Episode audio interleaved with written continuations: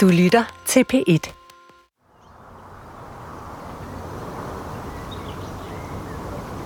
Det er en lun lørdag morgen i april 2019. Solen skinner, da Jakob og hans kone går ud af deres villa for at køre en tur i skoven. Vi går tit i skoven og, og går ud og kører tur, og vi har sat os ned i bilen. Jakob bakker langsomt ud på den stille villavej i Brøndshøj i det nordvestlige København. Han flytter nu blikket fra sidespejlet og kigger igen ud af forruden på bilen. Og der får han øje på en kvinde i en pink jakke. Og hun kommer så løbende ud i bilen, og vi stopper så selvfølgelig. Kvinden, der kommer løbende af spinkel, har langt mørkt hår, og så har hun et vildt udtryk i øjnene. Sådan siger sådan med police og, og help me, og der er nogen, der er efter hende. Og så, så siger jeg sådan, jeg bare kom ind i bilen. Kvinden flår nu selv bildøren op og kravler ind. Og så kryber hun ned på bagsædet og gemmer sig lidt, ikke? Hun er sådan vred, kan jeg høre på hende. Hun er indineret over det her. Det var ikke det, var ikke, det, var ikke det jeg skulle, siger hun sådan på engelsk. Der var så to mænd i en hvid bil, der ledte efter hende. For kvinden i den pink jakke er på bare fem dage blevet tvunget til at sælge sex til 27 forskellige mænd. You to me from behind. Recall you in my mind. I'm running from the lack of your love.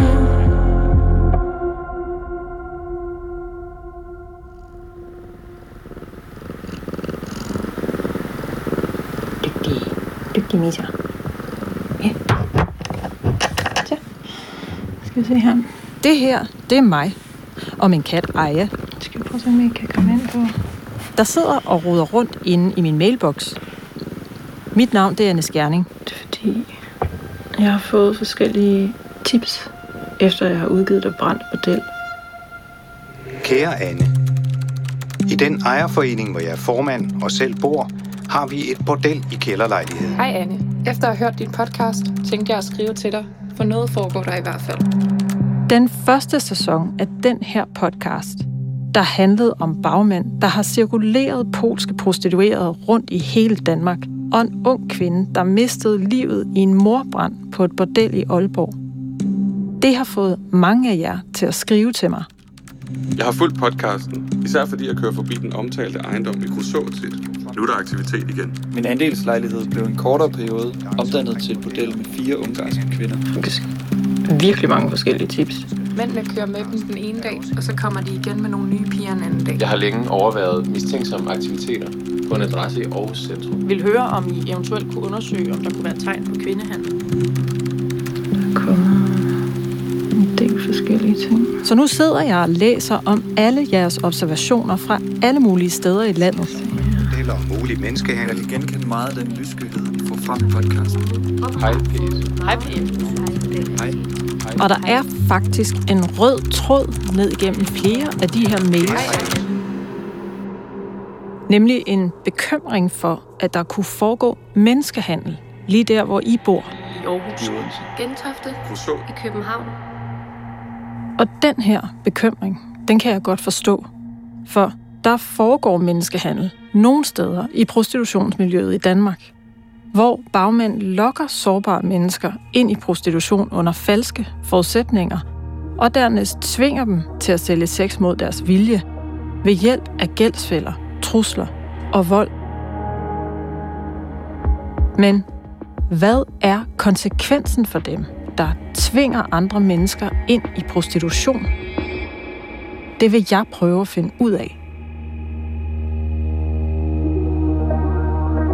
I den her jagt, der får jeg adgang til at tale med to kilder, der aldrig tidligere har stået frem med deres historier. En handlet kvinde og en af de kunder, der holder den danske sexindustri kørende. Så kan man jo sige, okay, har du så også selv, Dennis, været en del af at betale til noget, som der ligger en øh, grim, negativ historie bag? Er du bekymret for, at der er andre kvinder i den samme situation, som er hos hende lige nu?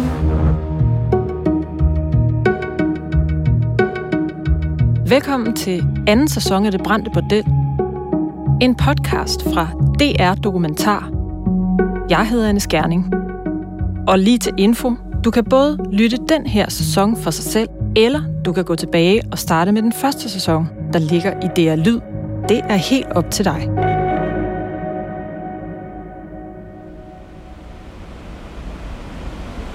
Næste stop. Bellahøj. Lige meget hvad du skal til sommer, bliver det sjovere uden briller og kontaktlinser. Det er tidlig sommer i 2022. Solen skinner, og jeg er på vej med bussen til Brøndshøj i udkanten af København. Jeg skal nemlig finde et sted, hvor der er sket en forbrydelse.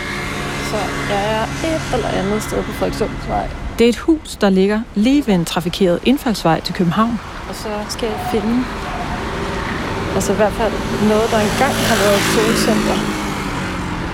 Så jeg har faktisk det adressen lige her. Den ligger på den modsatte side af vejen. Her ligger en super nice café med Hansen Is. Og så er det her, lige ved siden af. Det er bare sådan en hvid murstensbygning, eller grå. Og så er der bare sådan et stort vindue for oven. Så ikke lige til at se, at det skulle være et bordel, men jeg kan ikke forstå, hvordan man skulle komme ind. Lige her, op på første salen, Okay, der er sådan en adresse, hvor posten ikke er blevet tømt tydeligvis. der er en ung kvinde i fem døgn blevet tvunget til at sælge sex mod sin vilje. Men på 6. dagen om morgenen, Det er den her dør, hun er kommet ud af. Der er hendes bagmand pludselig væk. Så ser hun sit snit til at stikke af.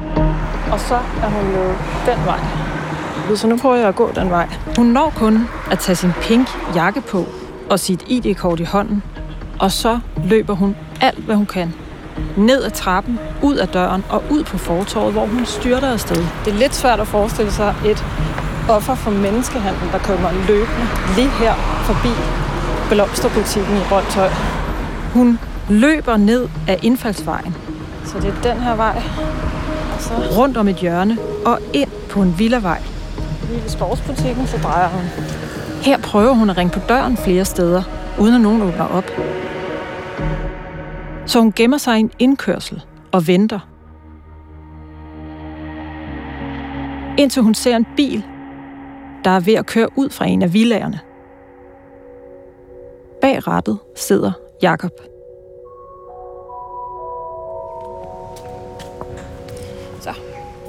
Hej. Det er fint, det kunne lade sig gøre. Ja, øh, tak fordi jeg må komme. Og... Af hensyn til sin familie ønsker Jakob ikke at få sit efternavn frem. Vi går tit i skoven og, og går ud og kører tur, og vi har sat os ned i bilen. Vi plejer at gå ud ved Furesøen. Og det så skal til at køre, så ud fra en af de her indkørsler ved siden af nabohuset, hvor øh, huset ligger op til vejen, der kommer hun løbende ud forbi. Og hun kommer så løbende ud i bilen, og vi stopper så selvfølgelig, og så, og så siger hun så om politi, og hun, hun snakker ikke særlig godt engelsk, så hun siger sådan med police og, og help me, og der er nogen, der er efter hende og sådan noget. Og så, så siger jeg sådan, jeg bare kom ind i bilen, fordi hvis hun siger politi, så tænker jeg station 2, der er på Bellerhøj. Det, det er det nemmeste sted. Hun går ind i bilen, og så kryber hun ned på bagsædet og gemmer sig lidt, ikke? Altså sådan, så man ikke kan... Ja, og dukker sig ikke, og har en telefon også, og er i så åbenbart i noget telefonisk kontakt med nogen. Hun er sådan vred, kan jeg høre på hende. Hun er indineret over det her. Det var ikke det, var ikke, det, var ikke det jeg skulle, siger hun sådan på engelsk.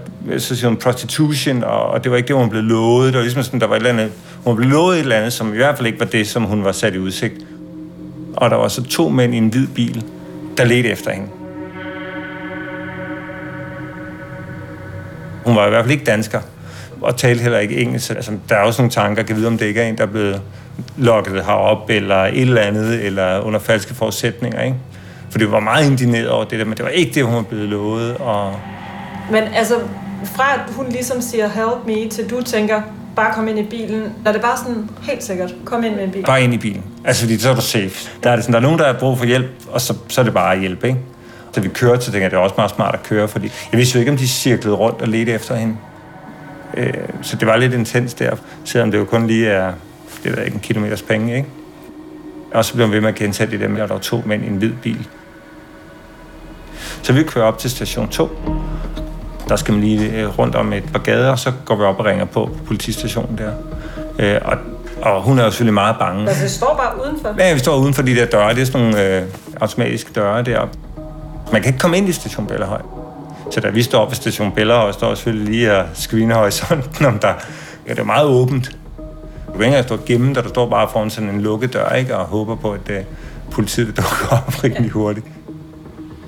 Så går der 10 minutter, som jeg så føles som om. Det er meget, meget længere, ikke? Så kommer der sådan to politibetjente, og så afgiver sig min vidnesforklaring der lige med det samme, ikke? Og så går hun så med dem ind. Og så, så, så er det ligesom overstået for os, ikke? Vi vidste heller ikke, hvad der var sket, andet end at, at jeg tænker, at uh, det var en sådan følelse af, at vi i hvert fald havde gjort noget rigtigt, fordi vi på en eller anden måde havde fået afleveret hende sikkert. Så kørte vi i skoven og gik en tur og var sådan, hold da op, kan vide, om vi hører mere om det. Det gjorde vi så ikke.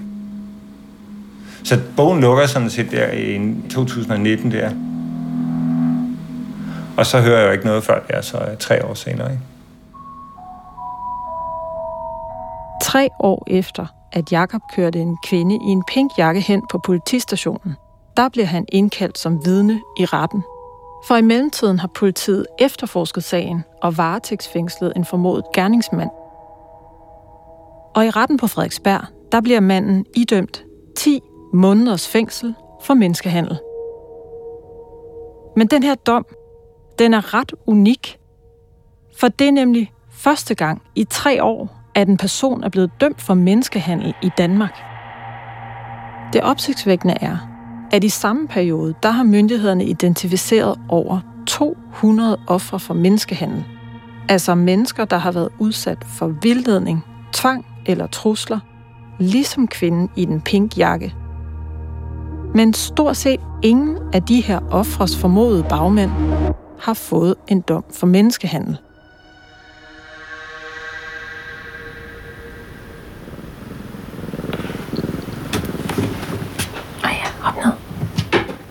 Så mens kvinden i den pink jakkes gerningsmand, han blev dømt, så er der andre ofre derude, der må leve med, at deres gerningsmand hverken er blevet stoppet eller straffet. Så er der en, der bare starter uden at sige hej eller noget. Hvem er de her ofre så? Det får jeg faktisk et hint om fra en af jer lyttere, der har tippet mig. For blandt de mange mails, jeg har fået, dukker der pludselig en meget lang mail op fra en anonym afsender. Den mest indbringende branche er tegpigerne. Det er en meget lukket og yderst lukrativ verden, men ikke uden omkostninger. De lever konstant i stress og skjult for politiet, og arbejder under vilkår, man tror, der er løgn. Okay. Den her anonyme mailskriver giver en masse detaljerede oplysninger om en overset gruppe af mennesker, som vedkommende altså synes, jeg skal kigge nærmere på. Nemlig de mange thailændere, som befinder sig på massageklinikker overalt i landet.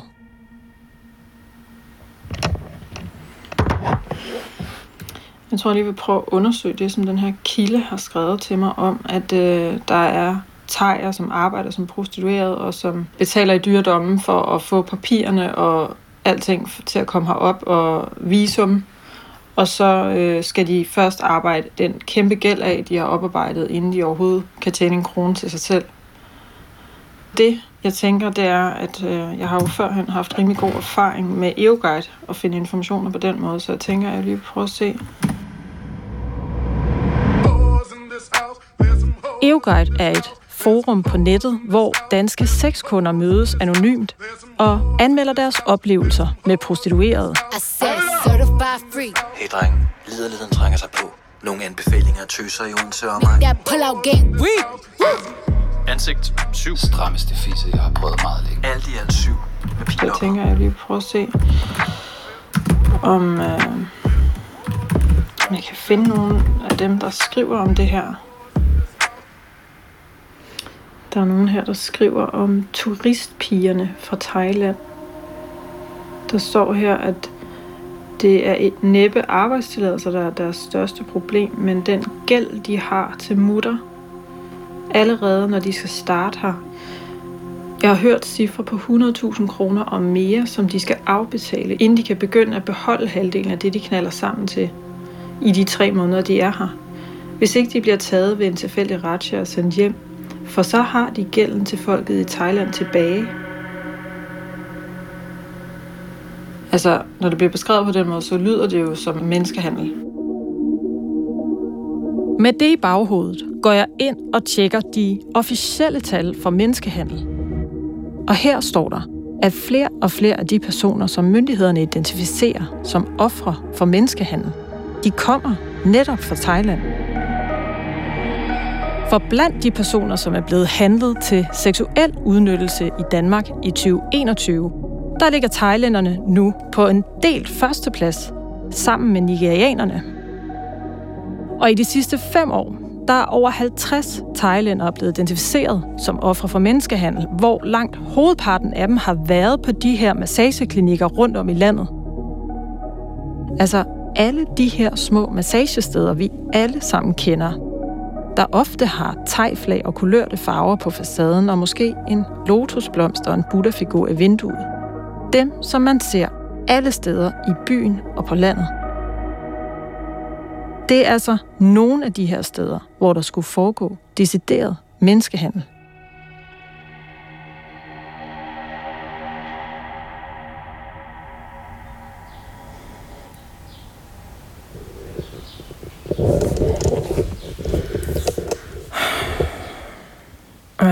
Jeg lige vågnet, og det er weekend, og i virkeligheden så kunne jeg sagtens sove noget længere, men de tager kører bare rundt ind i hovedet på mig.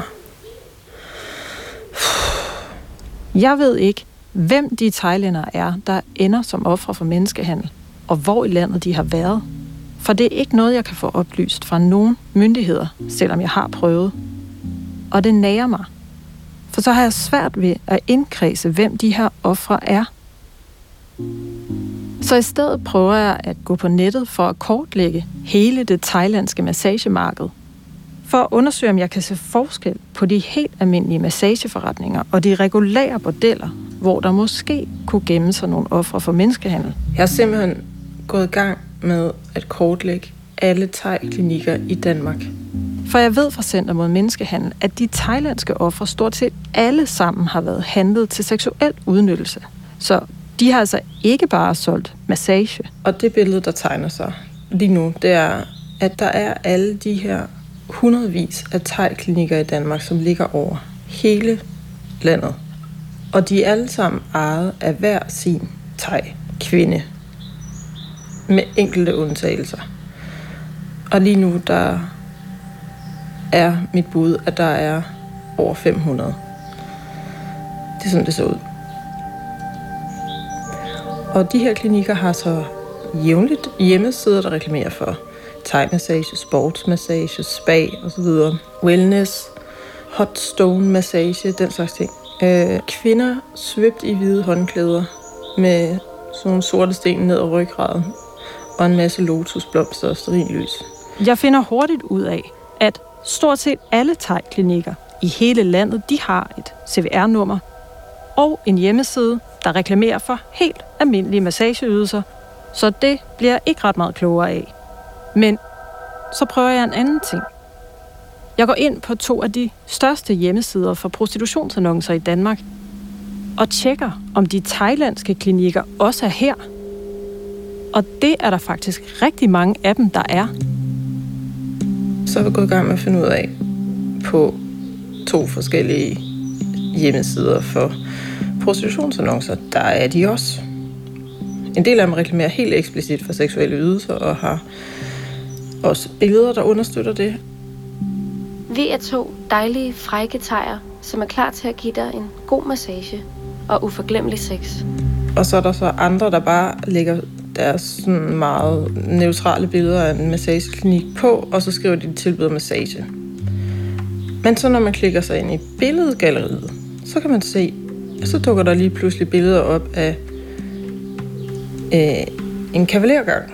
Jeg sætter en ære i, at du får en god oplevelse, når du besøger mig, så du får lyst til at komme igen og igen og igen. Eller så dukker der et billede op af en kvinde uden ret meget tøj på. Hvor man tænker, hvis I gerne vil signalere, at I ikke tilbyder sex, men at det bare er massage, så virker det jo så lidt underligt. Jeg vil give dig beroligende massage, så du føler dig godt tilpas med mine hænder og min krop og bløde bryster. Altså, det jeg i hvert fald tænker, det er, der er også seksuelle ydelser der. Hvis du er velsøjneret, og kemien er der, kan vi måske finde ud af noget mere. Der begynder altså at tegne sig et billede af, at det er mere reglen end undtagelsen, at de her thai-klinikker, de altså sælger en grad af seksuelle ydelser. Men for at være helt sikker på, at det kan passe, nu prøver jeg skulle lige, så får jeg nogle af mine kolleger til at hjælpe mig med at lave en total kortlægning af alle thai-klinikker i Danmark, og hvad kunderne siger om deres ydelser på EU-guide. Det var tegerne, som i sin tid fik mig til at forlade dydens smalle vej og begynde med købesex. Første gang hos en thai troede jeg også, at det kun var massage, indtil hun begyndte. Make that pull-out game. Hold da kæft, hun kan massere. Slut af med et handjob, og det har hun også styr på. Jeg var i Struer forleden og besøgte Fik en god massage med et fint håndjob. Jeg havde lyst til lidt lige i går. Efter min Tinder-date brændte mig af, så besluttede jeg mig for, at turen skulle gå til Thailand. Jeg har stort set besøgt alle thai-steder i København og omegn. Jeg skal en tur forbi Aarhus med firmaet næste uge, og vil lige høre herinde, om der findes smukke, søde thai i Aarhus. Jeg havde lidt arbejde i Vejle i går, og ville slutte dagen med lidt wellness for krop og sjæl. 30 minutter med body to body, blowjob, 69 og 6. Personligt betragter jeg thai-klinikkerne som omsorgsbutikker, hvor man kan købe lige præcis den omsorg, man har brug for. Vores kortlægning af hele det thailandske massagemarked i Danmark, den viser, at 60 procent af alle thai-klinikker i Danmark, de sælger en grad af seksuelle ydelser til deres kunder. Og det spænder altså fra klinikker, der tilbyder primært massage med enkelte seksuelle ydelser til slut, til klinikker, der tilbyder alle slags seksuelle ydelser med og uden kondom. Jeg har dog også talt med en del kilder tæt på det her miljø, som vurderer, at andelen er endnu højere. Måske 80-90 procent. Så det gør det faktisk umuligt for mig at isolere en lille gruppe af regulære tegbordeller, hvor risikoen for menneskehandel er størst. Så jeg kan simpelthen ikke bruge den her digitale kortlægning af alle tegklinikker til at finde frem til de thailandske kvinder, der kan være handlet til seksuel udnyttelse. Men jeg kan heller ikke række ud til de her ofre og spørge, om de vil tale med mig, for jeg ved ikke, hvem de er. Så jeg er nødt til at gå en anden vej frem. Så jeg spørger Center mod Menneskehandel og de NGO'er, der hjælper med at finde frem til ofre for menneskehandel, om nogen har kontakt til en thailandsk kvinde, hvor de kunne spørge, om vedkommende vil tale med mig. Paint me what color you like. Pick one and call it a strike. I'm running from the lack of your love. I første omgang lyder det ikke så lovende, for de siger, at de fleste ofre for menneskehandel ikke vil turde stå frem. For de har ikke noget at vinde ved det, og de er bange for deres bagmænd. Så selvom de her mennesker har oplevet nogle helt vanvittige ting, så vil de simpelthen ikke stå frem i pressen, fordi det er for farligt. Både for dem selv og for deres familier. Hej. Hallo. Må jeg sidde ved siden af dig? Men can I sit next to you? Det er fordi, jeg har sådan en optager her, der optager lyd. Er det okay? Så åbner der sig alligevel en mulighed for at møde en thailandsk kvinde. Vi beskytter dit navn og din stemme, så man ikke kan genkende dig. Som tør fortælle om, hvad hun har været udsat for. Både til politiet og til mig.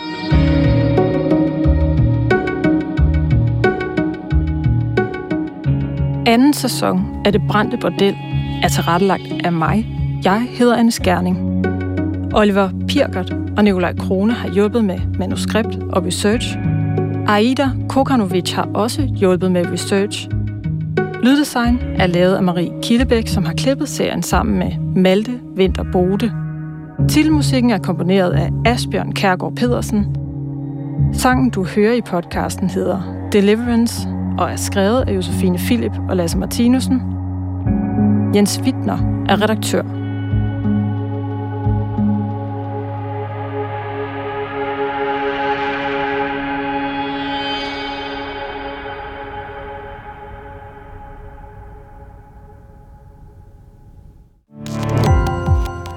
Gå på opdagelse i alle DR's podcast og radioprogrammer. I appen DR Lyd.